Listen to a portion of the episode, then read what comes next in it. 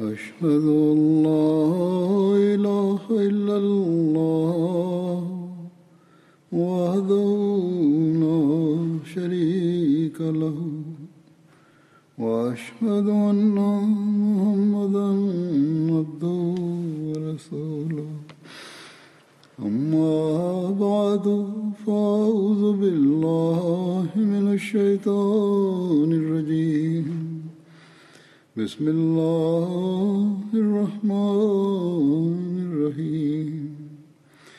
الحمد لله رب العالمين. الرحمن الرحيم. مالك يوم الدين. إياك نعبد وإياك اهدنا الصراط المستقيم.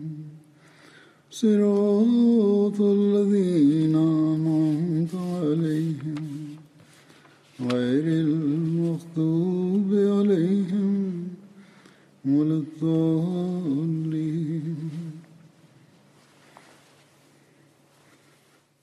في الخطبة الماضية كان الحديث جاريا عن معاذ بن جبل رضي الله عنه. وسوف يستمر اليوم أيضا. كان معاذ بن جبل رضي الله عنه من أسمح الناس كفا. أي كان كثير الإنفاق على الناس، وكان يضطر للاستدانة في كثير من الأحيان. فلزمه غرماؤه فتغيب عنهم أياما في بيته. حتى جاءوا رسول الله صلى الله عليه وسلم وطلبوا منه أن يقول لمعاذ بدفع أموالهم لهم. فأرسل رسول الله صلى الله عليه وسلم إلى معاذ يدعوه ولكن دينه كان أكثر من ماله. فقال رسول الله صلى الله عليه وسلم رحم الله من تصدق عليه. فتصدق عليه أناس بينما ظل آخرون مصرين على أخذ أموالهم. فقسم عليهم رسول الله صلى الله عليه وسلم ماله كله. فأخذ كل واحد منهم نصيبا من دينه ومع ذلك لم يسدد دينه كله. فطالبوا بالباقي. فقال رسول الله صلى الله عليه وسلم خذوا المال الموجود وخلوا معاذا.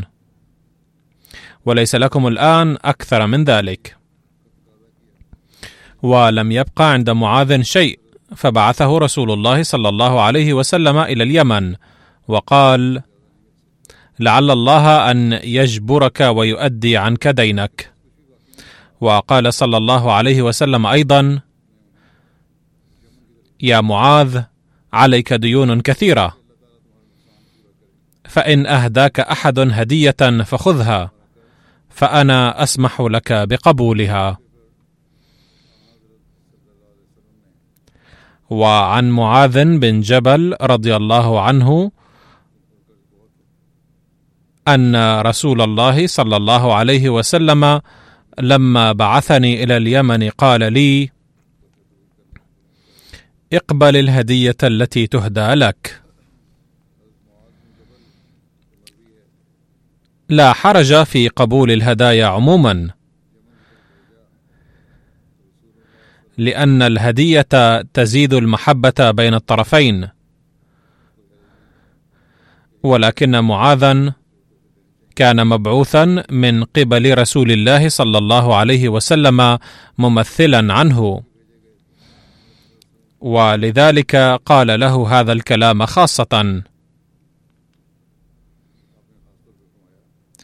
أي إذا أعطاك أحد هدية كونك ممثلا لي فلك الخيار في أن تنفقها على نفسك. ذلك لأن مثل هذه الهدية كانت إما توضع في بيت المال أو تقدم للنبي صلى الله عليه وسلم. عن معاذ بن جبل قال لما بعثه رسول الله صلى الله عليه وسلم إلى اليمن خرج معه رسول الله صلى الله عليه وسلم يوصيه. ومعاذ راكب ورسول الله صلى الله عليه وسلم يمشي تحت راحلته. فلما فرغ قال يا معاذ إنك عسى الا تلقاني بعد عامي هذا أو لعلك أن تمر بمسجدي هذا أو قبري. فبكى معاذ جشعا لفراق رسول الله صلى الله عليه وسلم. ثم التفت فأقبل بوجهه نحو المدينة فقال إن أولى الناس بي المتقون من كانوا وحيث كانوا. وفي رواية قال رسول الله صلى الله عليه وسلم لمعاذ بن جبل في هذه المناسبة إنك ستأتي قوما من أهل الكتاب. فإذا جئتهم فادعهم إلى أن يشهدوا أن لا إله إلا الله وأن محمدا رسول الله. فانهم طاعوا لك بذلك فأخبرهم أن الله قد فرض عليهم خمس صلوات في كل يوم وليلة. فانهم طاعوا لك بذلك فأخبرهم أن الله قد فرض عليهم صدقة تؤخذ من أغنيائهم فترد على فقرائهم. فإنهم طاعوا لك بذلك فإياك وكرائم أموالهم. واتقي دعوة المظلوم فإنه ليس بينه وبين الله حجاب. فالرسول صلى الله عليه وسلم أوصاه بأن يتقي دعاء المظلوم خاصة إذ لا حاجز بين دعائه وبين الله تعالى. بعث رسول الله صلى الله عليه وسلم معاذ بن جبل إلى اليمن قاضيا. فكان يقرئهم القرآن ويعلمهم الدين ويقضي بينهم. وكان الجباة يجمعون عنده ما أخذوه من الناس من أموال الزكاة. استعمل النبي صلى الله عليه وسلم على اليمن خمسة من صحابته وهم خالد بن سعيد مهاجر بن أمية زيد بن لبيد معاذ بن جبل وأبو موسى الأشعري رضي الله عنهم. فهؤلاء الخمسة يديرون شؤون اليمن. وعن معاذ بن جبل رضي الله عنه أنه قال بعثني النبي صلى الله عليه وسلم إلى اليمن لجمع الزكاة. وأمرني أن آخذ من كل ثلاثين من البقر بقرة تبيعا أو تبيعة أي ما كان سنه سنة. ومن كل أربعين بقرة بقرة مسنة أي ما كان سنه سنتين. ومن كل حالم أي شخص بالغ دينارا أو عدله معافر. والمعافر ثياب يمنية تنسب إلى قبيلة معافر التي كانت تصنعها. هذه الرواية من مسند أحمد بن حنبل. وقال العلامة ابن إسحاق بعث معاذ بن جبل إلى اليمن وفي رجله عرج فصلى بالناس فبسط رجله أي مدها في الصلاة إلى الأمام أو إلى اليمين حسب وضعه فبسط القوم أرجلهم مثله فلما فرغ من صلاته قال قد أحسنتم. أي قد أحسنتم إذ صنعتم مثل ما صنعت. ولكن لا تعودوا لمثل ذلك فإني إنما بسطت رجلي في الصلاة لأني اشتكيتها.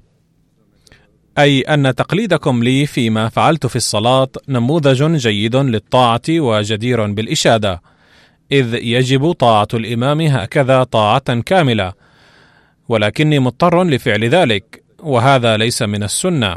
فمن لم يكن عنده اضطرار فعليه أن يصلي على الطريقة الصحيحة التي أمر الله بها وكما هي سنة رسول الله صلى الله عليه وسلم.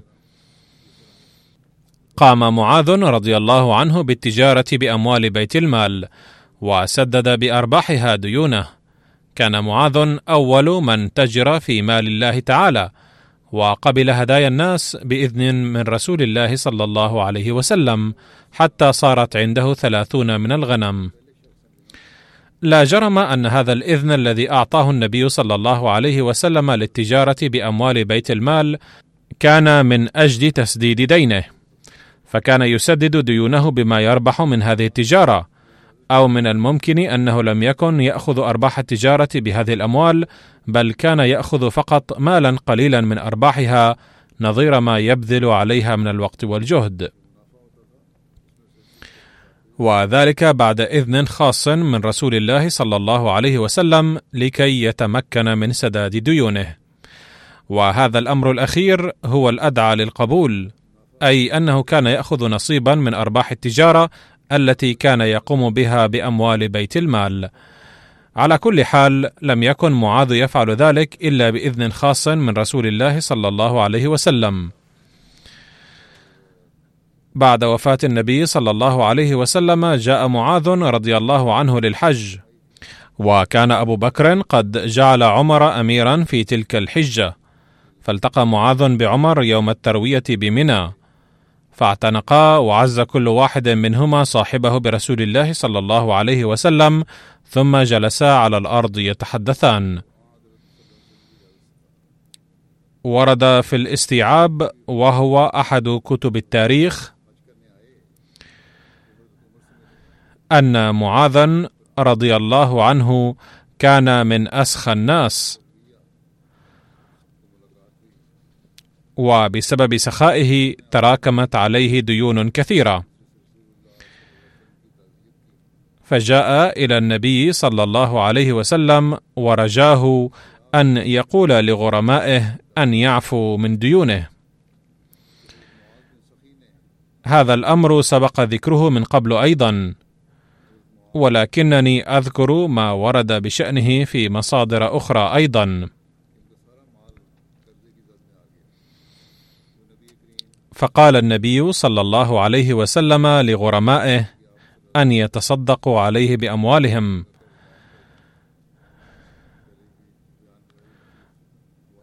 ولكنهم لم يرضوا بذلك. ذلك لأنه إن كان أحد سيتصدق بدينه أو يقوم بتضحية مالية كهذه فإنما كان سيتصدق من أجل رسول الله صلى الله عليه وسلم لمكانته العظيمة. ثم ورد دفع رسول الله صلى الله عليه وسلم مال معاذ لغرمائه ومع ذلك بقي من دينه كثير. لأن بعضهم لم يتصدقوا بديونهم وقالوا يا رسول الله نريد أن تسترد أموالنا من معاذ. فقام رسول الله صلى الله عليه وسلم ببيع ما عند معاذ من عقار وغيرها وعاد معاذ صفر اليدين. ثم في عام فتح مكة بعث رسول الله صلى الله عليه وسلم معاذا أميرا على بعض مناطق اليمن. لقد اتضح الأمر هنا أكثر وهو أن النبي صلى الله عليه وسلم كان قد بعث معاذا اميرا إلى اليمن. وما يقدم للأمير من هدية يجب أن يوضع في بيت المال. فكان معاذ أول من تاجر بمال الله من بيت المال.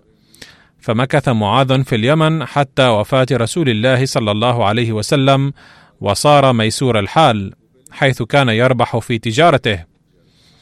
وكان يأخذ نصيبا من أرباحها وصار غنيا. فلما رجع قال عمر لأبي بكر رضي الله عنهما ادع هذا أي معاذ وخذ من أمواله ما يزيد على حاجته.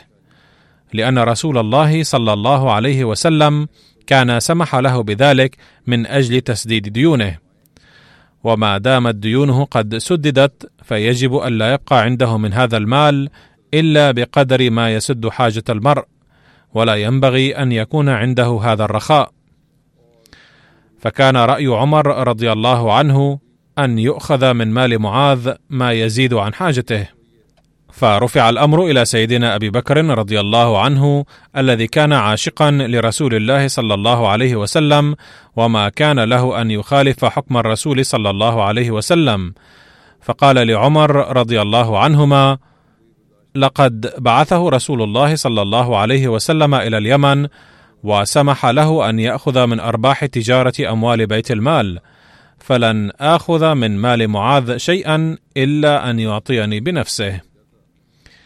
أي لن أسأله شيئا لأنه ذهب هنالك بأمر من رسول الله صلى الله عليه وسلم وكان يقبل هدايا الناس وغيرها بإذن منه صلى الله عليه وسلم فلن آمره برد شيء منها لي إلا أن يعطيني بنفسه. وكان عمر رضي الله عنه شديد التمسك بمبادئه فذهب إلى معاذ وقال له ما عنده من الرأي. فقال معاذ إن رسول الله صلى الله عليه وسلم هو الذي بعثني هنالك لكي تسد حاجتي ولن أعطي من مالي شيئا. والثابت من الروايات التي رواها جميع كتاب سيرة معاذ أنه إن صار في رخاء فما كان رخاؤه يبقى إلا لأيام قلائل إذ كان يقسم معظم أمواله على الناس. وستأتي لاحقا بعض الروايات التي يتبين منها كيف كان يوزع الأموال على الناس. ثم أتى معاذ عمر فقال قد أطعتك وأنا فاعل ما أمرتني به. قال ذلك وكان قد رفض من قبل قائلا لن أعطيك شيئا. ثم ذهب إلى عمر رضي الله عنه بعد فترة وقال قد أطعتك وأنا فاعل ما أمرتني به. فإني رأيت في المنام أني في حومة ماء قد خشيت الغرق فخلصتني منه يا عمر. فأتى معاذ أبا بكر فذكر ذلك كله له وحلف لا يكتم شيئا أي لن أكتم ما استلمت وكيف استلمت فقال أبو بكر لا آخذ منك شيئا أي ما دمت قد شرحت لي حسابك كله فلن آخذ منك شيئا وقد وهبته لك. فقال عمر هذا خير حل وطاب. أي لما علم عمر بحكم أبي بكر رضي الله عنه لأنه كان موجودا حينها فقال ما دام هذا هو حكم الخليفة وقد أعطى معاذا بنفسه فهذا هو أفضل حل.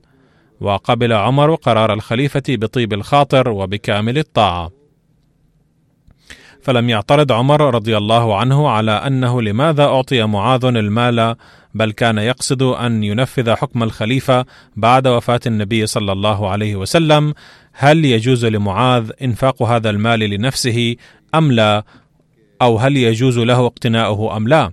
فحين أصدر أبو بكر رضي الله عنه حكمه أنه لن يأخذ من معاذ شيئا بل قد أعطاه كل شيء هدية لم يعد عنده عذر فقال بصمت وهدوء هذا خير حل وطاب وإن كان يصر من قبل على استعادة الاموال من معاذ. فهنا تبين أيضا أن الله تعالى لم يوجه معاذا إلى هذا الأمر إلا بعد أن سدت حاجته ولما توفي رسول الله صلى الله عليه وسلم وصارت عنده سعة مالية وتمكن من تسديد الديون أيضا فوجهه الله تعالى في المنام أن يكتفي الآن بأملاكه الشخصية. ولا يجوز له الآن أن يأخذ هدية بصفته اميرا ولا يمكنه الإنفاق على نفسه من بيت المال علما أنه لم يعش طويلا بعد ذلك فهذا هو بيان قصته بإيجاز. عن معاذ بن جبل قال لما بعثني رسول الله صلى الله عليه وسلم إلى اليمن قال لي كيف تقضي إن عرض قضاء؟ قال قلت أقضي بما في كتاب الله عز وجل. قال فإن لم يكن في كتاب الله عز وجل؟ قال قلت أقضي بما قضى به رسول الله صلى الله عليه وسلم. قال فإن لم يكن قضى به الرسول؟ قال قلت أجتهد رأيي ولا آل. قال فضرب صدري وقال الحمد لله الذي وفق رسول رسول الله صلى الله عليه وسلم لما يرضي رسول الله. عن معاذ بن جبل أن رسول الله صلى الله عليه وسلم لما بعث به إلى اليمن قال إياك والتنعم فإن عباد الله ليسوا بالمتنعمين.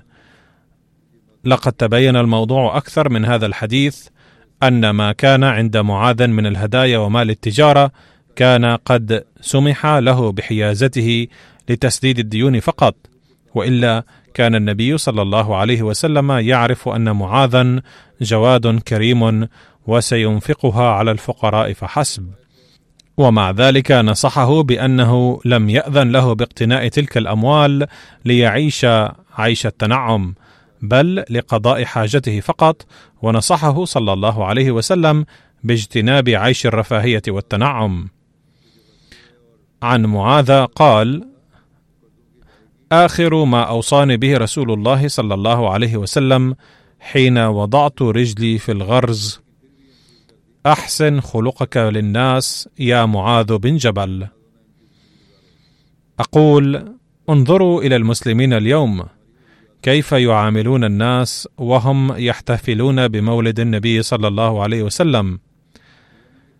الأصل في الاحتفال بمولده صلى الله عليه وسلم هو العمل بنصائحه والتأسي بأسوته صلى الله عليه وسلم. عندما بعث النبي صلى الله عليه وسلم معاذا اميرا على اليمن بين مرتبته بقوله إني بعثت لكم خير أهلي. عن بن أبي نجيح قال كتب رسول الله صلى الله عليه وسلم إلى أهل اليمن وبعث إليهم معاذا. إني قد بعثت عليكم من خير أهلي والي علمهم والي دينهم. وفي رواية مسند أحمد بن حنبل عن معاذ قال أوصاني رسول الله صلى الله عليه وسلم بعشر كلمات قال لا تشرك بالله شيئا وإن قتلت وحرقت ولا تعقن والديك وإن أمراك أن تخرج من أهلك ومالك. ولا تتركن صلاة مكتوبة متعمدا.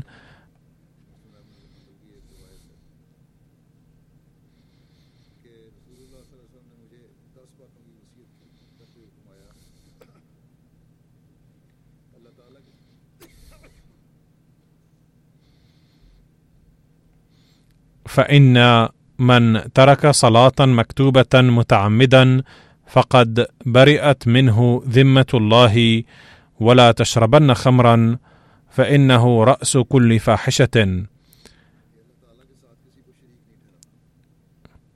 وإياك والمعصية فإن بالمعصية حل سخط الله عز وجل. وإياك والفرار من الزحف وإن هلك الناس. وإذا أصاب الناس موتان وأنت فيهم فاثبت وأنفق على عيالك من طولك. ولا ترفع عنهم عصاك ادبا وأخفهم في الله. وعن ابن عمر رضي الله عنه أن النبي صلى الله عليه وسلم قال لمعاذ ما مفاده.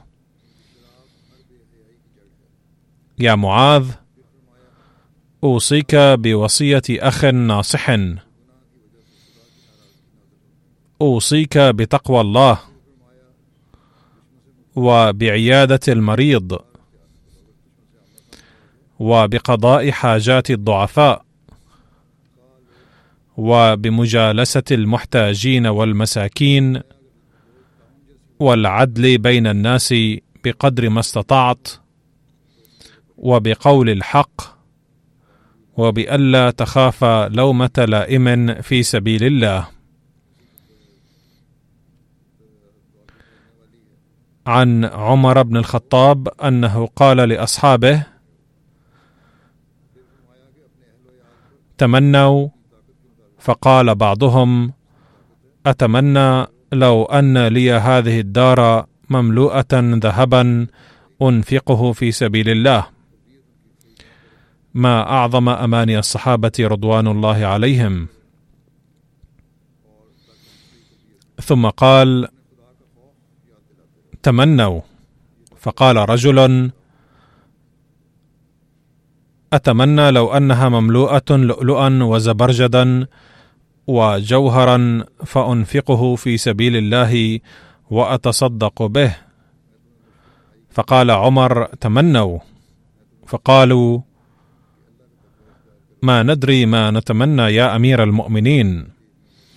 فقال عمر أنا أتمنى لو أنها مملوءة رجالا مثل أبي عبيدة بن الجراح ومعاذ بن جبل وسالم مولى أبي حذيفة وحذيفة بن اليمان. لقد ذكرت هذه القصة من قبل وقد ذكرتها الآن أيضا في بيان سوانح معاذ بن جبل رضي الله عنه. مكث معاذ في اليمن من عام تسعة هجرية إلى عام إحدى عشر من الهجرة. وورد أن عمر رضي الله عنه أخذ أربعمائة دينار. فقال لغلام اذهب بها إلى أبي عبيدة بن الجراح لقد ذكرت هذه الرواية في إحدى الخطب من قبل أيضا في بيان سوانح أبي عبيدة بن الجراح ولكن كانت لها بقية وسأسردها الآن. ثم تله ساعة في البيت حتى تنظر ما يصنع. قال فذهب بها الغلام فقال يقول لك أمير المؤمنين خذ هذه. فقال وصله الله ورحمه. ثم قال تعالي يا جارية اذهبي بهذه السبعة إلى فلان وبهذه الخمسة إلى فلان حتى انفدها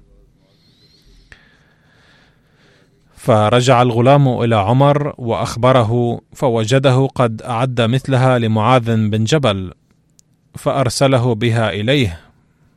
فقال معاذ وصله الله يا جارية اذهبي إلى بيت فلان بكذا ولبيت فلان بكذا فاطلعت امرأة معاذ فقالت ونحن والله مساكين فأعطنا.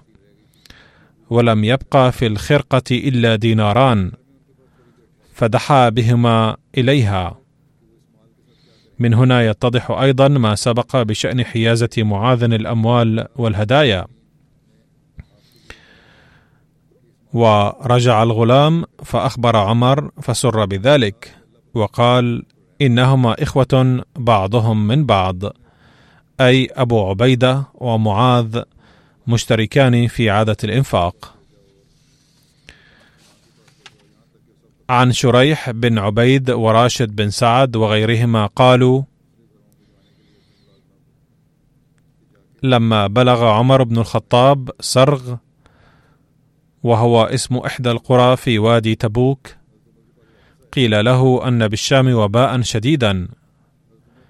قال بلغني أن شدة الوباء بالشام. فقلت إن أدركني أجلي وأبو عبيدة بن الجراح حي استخلفته. فإن سألني الله عز وجل لما استخلفته على أمة محمد قلت إني سمعت رسولك يقول إن لكل نبي أمينا. وأميني أبو عبيدة بن الجراح. وقد ذكرت هذه الرواية من قبل أيضا. فأنكر القوم ذلك وقالوا ما بال علياء قريش؟ يعنون بني فهر. ثم قال عمر وإن أدركني أجلي وقد توفي أبو عبيدة استخلفت معاذا بن جبل فإن سألني ربي عز وجل لما استخلفته؟ قلت سمعت رسولك صلى الله عليه وسلم يقول إنه يحشر يوم القيامة بين يدي العلماء نبذة. فهذه مكانته السامية بين العلماء.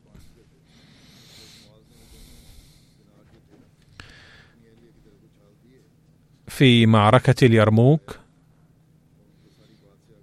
في عام خمسة عشر الهجري جعل سيدنا أبو عبيدة معاذ بن جبل على الميمنة وهي الجزء الأيمن من قائد الجيش. وكان هجوم النصارى قويا جدا لدرجة انشقت ميمنة المسلمين عن الجيش وتشتت الناس.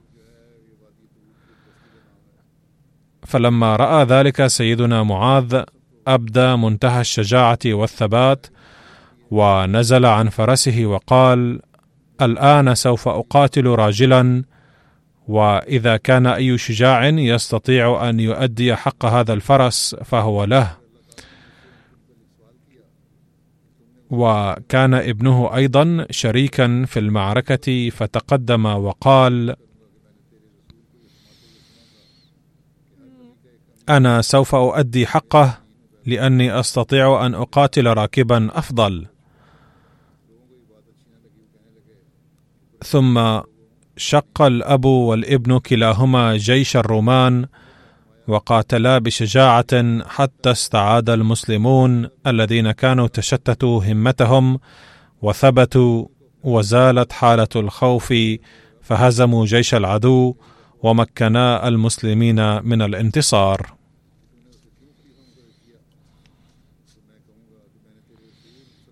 عن أبي إدريس الخولاني قال دخلت مسجد دمشق الشام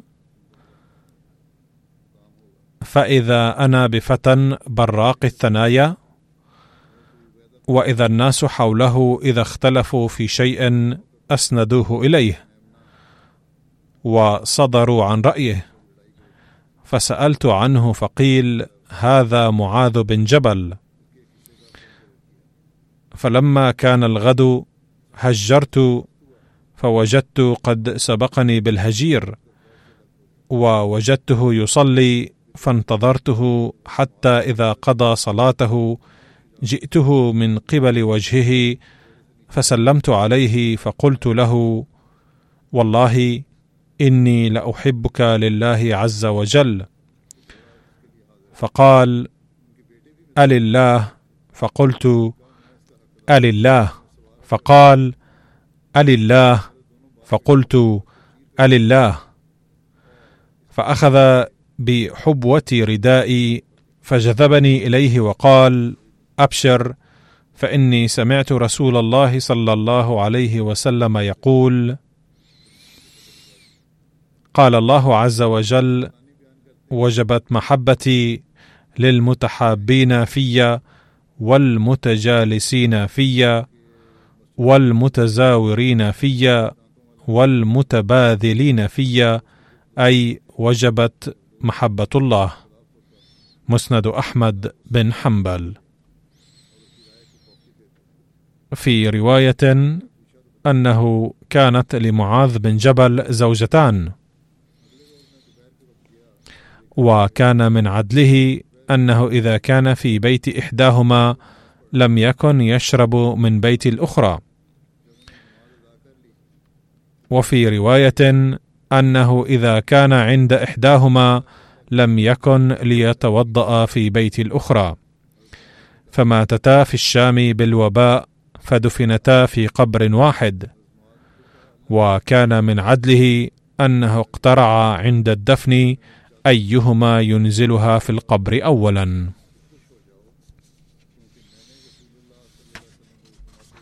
وهناك رواية أخرى في سير الصحابة أنه كانت لدى سيدنا معاذ زوجتان. فماتتا كلتاهما في طاعون عمواس. وكان ابنه عبد الرحمن الذي كان شريكا في معركة اليرموك مع والده معاذ رضي الله عنه قد مات هو الآخر في طاعون عمواس.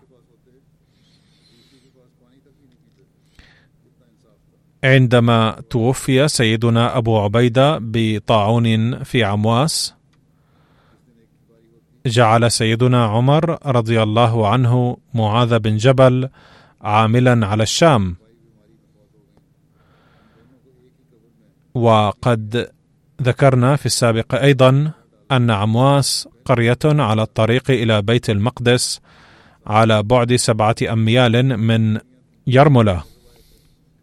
وقد توفي معاذ أيضا في السنة نفسها بالطاعون.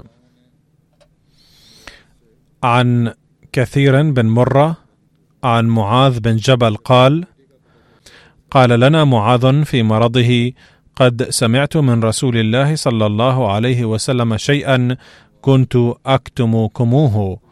سمعت رسول الله صلى الله عليه وسلم يقول من كان آخر كلامه لا إله إلا الله وجبت له الجنة. وفي رواية أخرى أنه كتمهم هذا الحديث لئلا يتكلوا عليه ويتركوا العمل. حين تفشى الطاعون في الشام أصيب به سيدنا معاذ بن جبل أيضا فأغمي عليه لشدة المرض. ولما أفاق قال يا الله صلت علي حزنك فبعزتك أنك تعرف أني أحبك. ثم أغمي عليه ولما أفاق قال ذلك مرة أخرى.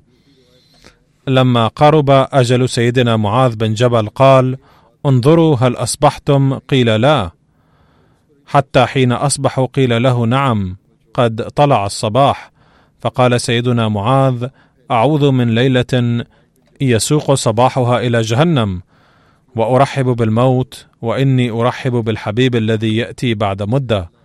يا ربي أنت تعرف أني أخشاك لكنني اليوم أرجوك فلا أحب الدنيا والحياة الطويلة لأشق فيها الأنهار وأزرع الأشجار وإنما لكي أتحمل الظمأ ظهرا وآلام الأوضاع وأجالس العلماء الذين يذكرونك. ثم في رواية أنه حين دنا أجل سيدنا معاذ بن جبل بدأ يبكي فقيل له لماذا تبكي؟ فأنت من أصحاب النبي صلى الله عليه وسلم. فقال أنا لا أبكي بسبب الموت ولا لأني أترك الدنيا ورائي. وإنما أبكي لأنه سيكون هناك فريقان فريق في الجنة وفريق في النار ولا أعرف مع من سأحشر إنما أخاف الله ولذا أبكي. وفي مسند أحمد أنه قال معاذ بن جبل سمعت رسول الله صلى الله عليه وسلم يقول ستهاجرون إلى الشام فيفتح لكم ويكون فيكم داء كالدمل أو كالحرة يأخذ بمراق الرجل يستشهد الله به أنفسهم ويزكي بها أعمالهم. اللهم إن كنت تعلم أن معاذ بن جبل سمعه من رسول الله صلى الله عليه وسلم فأعطه هو وأهل بيته الحظ الأوفر منه. هذا ما قال رضي الله عنه. فأصابهم الطاعون فلم يبقى منهم أحد. فطعن في أصبعه السبابة فكان يقول ما يسرني أن لي بها حمر النعم وفي تاريخ الطبري أن دملا ظهر في راحة يده وكان ينظر إليها ثم يقبل ظهرها ويقول لا أحب أن يكون لي شيء من الدنيا مقابلك.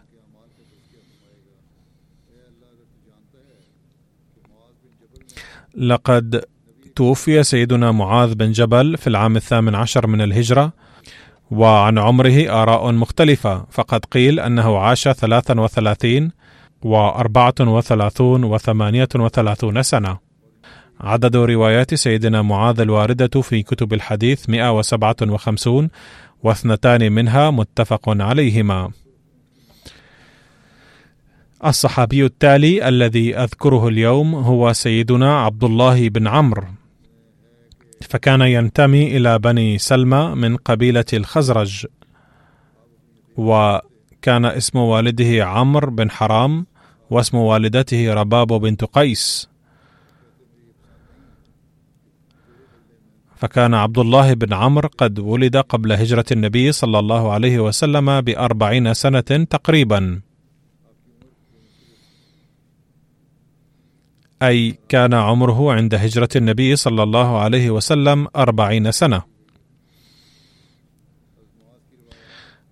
كان عبد الله بن عمرو والد الصحابي المشهور سيدنا جابر بن عبد الله. وكان عبد الله بن عمرو أخا زوجة سيدنا عمرو بن الجموح. وكان عبد الله شريكا في بيعة العقبة الثانية وكان من بين اثني عشر نقيبا عينهم النبي صلى الله عليه وسلم. فقد شهد بدرا واستشهد في أحد. وعند البعض كان أول شهيد في معركة أحد. وعن إسلامه يقول سيدنا كعب بن مالك أن كنا قد واعدنا رسول الله صلى الله عليه وسلم العقبة من أوسط أيام التشريق.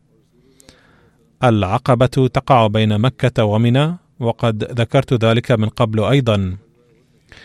فلما فرغنا من الحج وكانت الليلة التي وعدنا رسول الله صلى الله عليه وسلم ومعنا عبد الله بن عمرو سيد من ساداتنا وشريف من أشرافنا وكنا نكتم من معنا من قومنا من المشركين أمرنا فكلمناه وقلنا له يا أبا جابر فكان يكن أبا جابر إنك سيد من ساداتنا وشريف من أشرافنا وإنا نرغب بك عما أنت فيه أن تكون حطبا للنار غدا.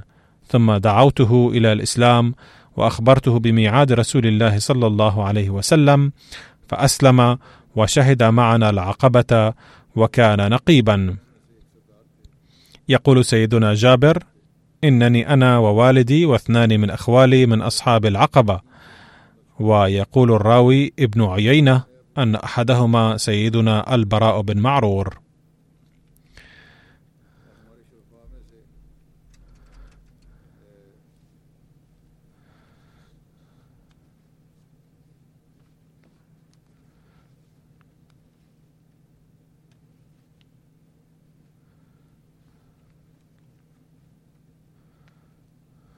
قد بينت لكم تفصيل العقبة الثانية مما ورد في كتاب سيرة خاتم النبيين ضمن ذكر أحد الصحابة بل اثنين منهم وأكرر هنا قليلا وأقدم مما ورد في كتاب سيرة خاتم النبيين عن بيعة العقبة الثانية ما يتعلق بسيدنا عبد الله بن عمرو.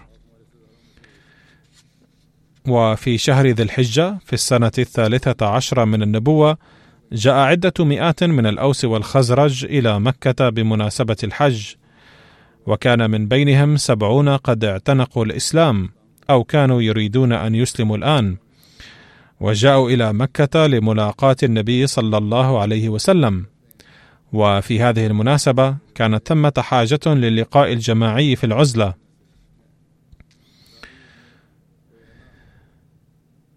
ولذلك تقرر تاريخ وسط ذي الحجة بعد مراسم الحج ليلاقوا النبي صلى الله عليه وسلم جميعا في منتصف الليل في نفس المكان الذي التقى فيه بعضهم السنة السابقة. لكي يتم النقاش في عزلة بالطمأنينة والتركيز. وأوصى النبي صلى الله عليه وسلم الأنصار ألا يذهبوا إلى مكان الموعد مجتمعين ولكن فرادى أو كل اثنين معا وألا يوقظ النائم ولا ينتظر الغائب. حين جاء الموعد غادر النبي صلى الله عليه وسلم فردا بعد مرور ثلث الليل. وعلى الطريق أخذ معه عمه العباس رضي الله عنه الذي كان لا يزال مشركا ولكنه كان يكن حبا للنبي صلى الله عليه وسلم وكان من زعماء بني هاشم. كلاهما وصلا مكان الموعد ولم يلبثا حتى وصل الأنصار أيضا فرادى أو مثنى وكانوا سبعين نسمة من الأوس والخزرج. استهل العباس الحديث بقوله يا معشر الخزرج إن محمدا كريم وحبيب في أسرته وأسرته حفظته إلى الآن وكانت له وقاية مقابل كل عدو. ولكن الآن يريد صلى الله عليه وسلم أن يهاجر من وطنه إليكم. فإن كنتم ترون أنكم وافون له بما دعوتموه إليه ومانعوه ممن خالفه فأنتم وما تحملتم من ذلك. وإن كنتم ترون أنكم مسلموه وخاذلوه بعد الخروج به إليكم فمن الآن فدعوه.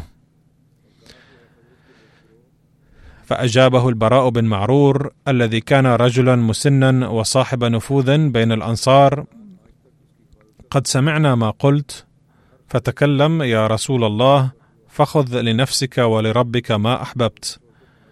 وعندها تلا النبي صلى الله عليه وسلم كعادته بضعة آيات من القرآن الكريم ثم ألقى كلمة وجيزة عن تعاليم الإسلام وشرح حقوق الله تعالى وحقوق العباد. فقال أبايعكم على أن تمنعوني مما تمنعون منه نساءكم وأبناءكم. وعندما أنهى كلمته أخذ البراء بن معرور بيده وفقا للعرف العربي ثم قال نعم والذي بعثك بالحق نبيا لنمنعنك مما نمنع منه أزرنا فبايعنا يا رسول الله. فاعترض قول البراء شخص قائلا يا رسول الله فهل عسيت إن نحن فعلنا ذلك؟ ثم أظهرك الله أن ترجع إلى قومك وتدعنا فتبسم رسول الله صلى الله عليه وسلم ثم قال بل الدم الدم والهدم الهدم أنا منكم وأنتم مني أحارب من حاربتم وأسالم من سالمتم. وعلى هذا استدار العباس بن عبادة نحو رفاقه وقال هل تدرون ما معنى هذا الميثاق والتعاهد؟ هو أن تكونوا جاهزين للحرب مع الأحمر والأسود من الناس وتستعدوا لتقديم كل تضحية. قالوا نعم نحن ندري ذلك ولكن ما لنا بذلك يا رسول الله إن نحن وفينا بذلك. قال الجنة وهي أعظم النعم. قالوا جميعا اتفقنا. فابسط يدك يا رسول الله. فبسط يده المباركة فبايع سبعون مخلصا على يده في اتفاقية الدفاع وعرفت تلك البيعة ببيعة العقبة الثانية.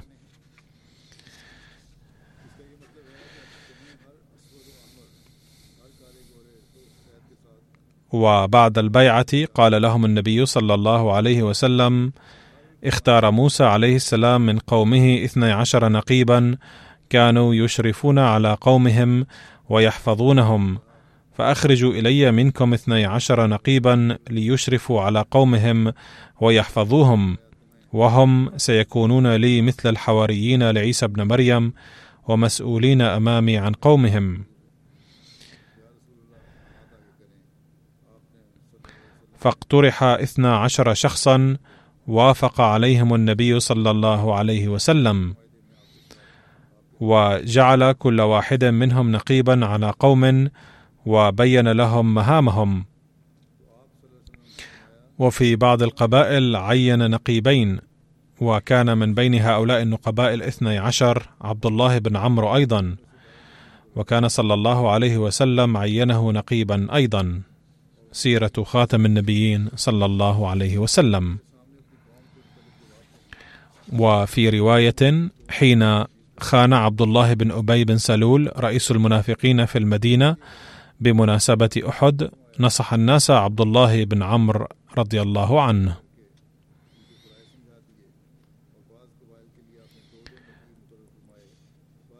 وعن جابر بن عبد الله رضي الله عنه قال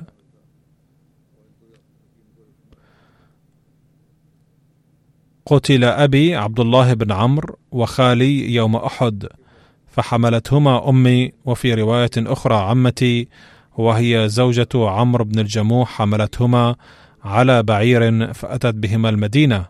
فنادى منادي رسول الله صلى الله عليه وسلم ردوا القتلى إلى مصارعهم فرجعت بهما ودفنا هناك.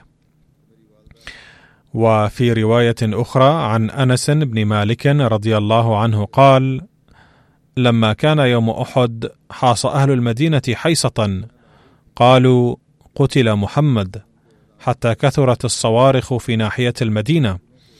فخرجت امرأة من الأنصار متحزمة فاستقبلت بابنها وأبيها وزوجها وأخيها. لا أدري أيهم استقبلت به اولا فلما مرت على آخرهم قالت من هذا؟ قالوا أبوك أخوك زوجك ابنك. تقول ما فعل رسول الله صلى الله عليه وسلم؟ يقولون أمامك حتى دفعت إلى رسول الله صلى الله عليه وسلم فأخذت بناحية ثوبه. ثم قالت بأبي أنت وأمي يا رسول الله لا أبالي إذ سلمت من عطب المعجم الأوسط للطبراني.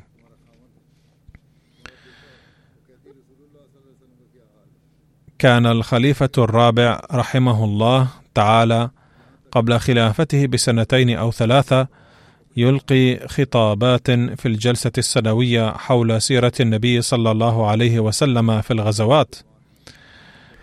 وفيها ذكر مرة عبد الله بن عمرو أيضا أسرده عليكم هنا. كانت أخت عبد الله بن عمرو رضي الله عنه وهي زوجة عمرو بن الجموح رضي الله عنه أيضا مشغوفة بحب النبي صلى الله عليه وسلم مثل أخيها. لقد توفي في هذه الحرب زوجها وأخوها وابنها ولكن فرحها بسلامة النبي صلى الله عليه وسلم غلب جميع همومها هذه. قالت عائشة الصديقة رضي الله عنها خرجت في نسوة أستروح الخبر. حتى لقيت في الطريق هند بنت عمرو زوجة عمرو بن الجموح تسوق بعيرا لها إلى المدينة فسألتها عندك الخبر؟ فما ورائك؟ فقالت هند خيرا أما رسول الله صلى الله عليه وسلم فصالح فإذا وقع نظري على بعير عليه حمل فقلت من هؤلاء؟ قالت نعش زوجي عمرو بن الجموح ونعش أخي عبد الله بن عمرو ونعش ابني خلاد. قالت ذلك ثم توجهت إلى المدينة ولكن بعيرها برك ولم يعد يمشي بأية وسيلة فحين أنكر التوجه إلى المدينة وجهته راجعة إلى أحد فأسرع فرحا. هنا هذه كانت حالة حب هذه المرأة للنبي صلى الله عليه وسلم. وهناك كان النبي صلى الله عليه وسلم يقول للصحابة ابحثوا عن نعش عمرو بن الجموح ونعش عبد الله بن عمرو سيدفنان معا لأنهما كانا يحبان بعضهما البعض. كان النبي صلى الله عليه وسلم أيضا يهتم بهما جدا. ورد في رواية أن عبد الله بن عمرو لما أراد أن يخرج إلى أحد دعا ابنه جابرا فقال يا بني إني لا أراني إلا مقتولا في أول من يقتل. وإني والله لا أدع بعدي احدا أعز علي منك غير نفس رسول الله صلى الله عليه وسلم. وإن علي دينا فاقضي عني ديني واستوصي بأخواتك خيرا. قال فأصبحنا فكان أول قتيل جدع أنفه وأذنيه. قال جابر بن عبد الله لما جاء النبي صلى الله عليه وسلم لدفن شهداء أحد قال ادفنوهم في دمائهم وثيابهم فأنا شهيد على هؤلاء فإنه ليس جريح يجرح في سبيل الله إلا جاء وجرحه يوم القيامة يدمى لونه لون الدم وريحه ريح المسك. السنن الكبرى.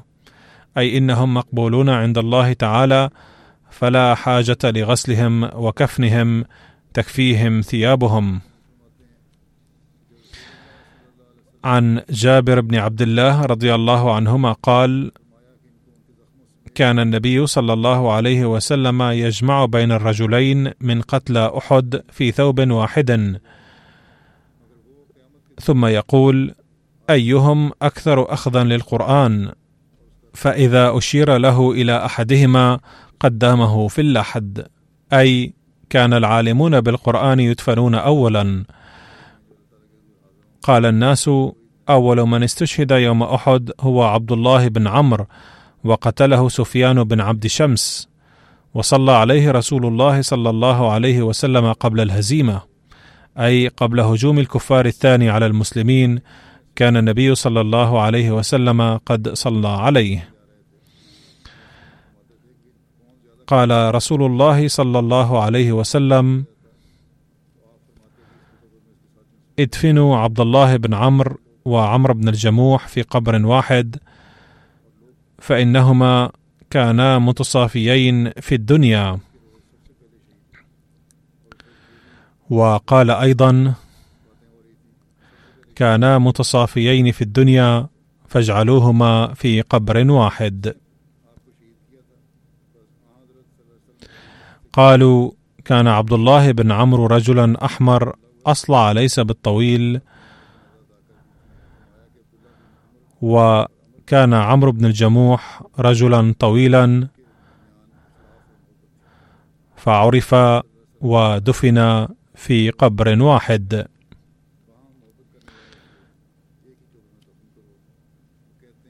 وسوف أتناول ما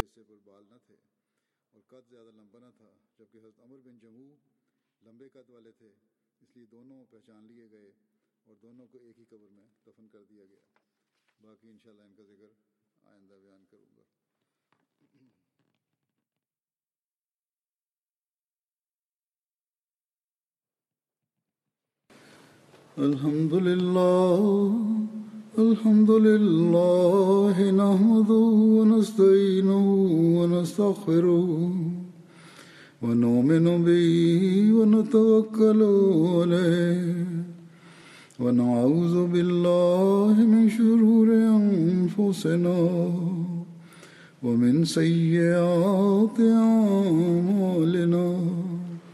من يهده الله فلا مضل له ومن يضلل فلا هادي له.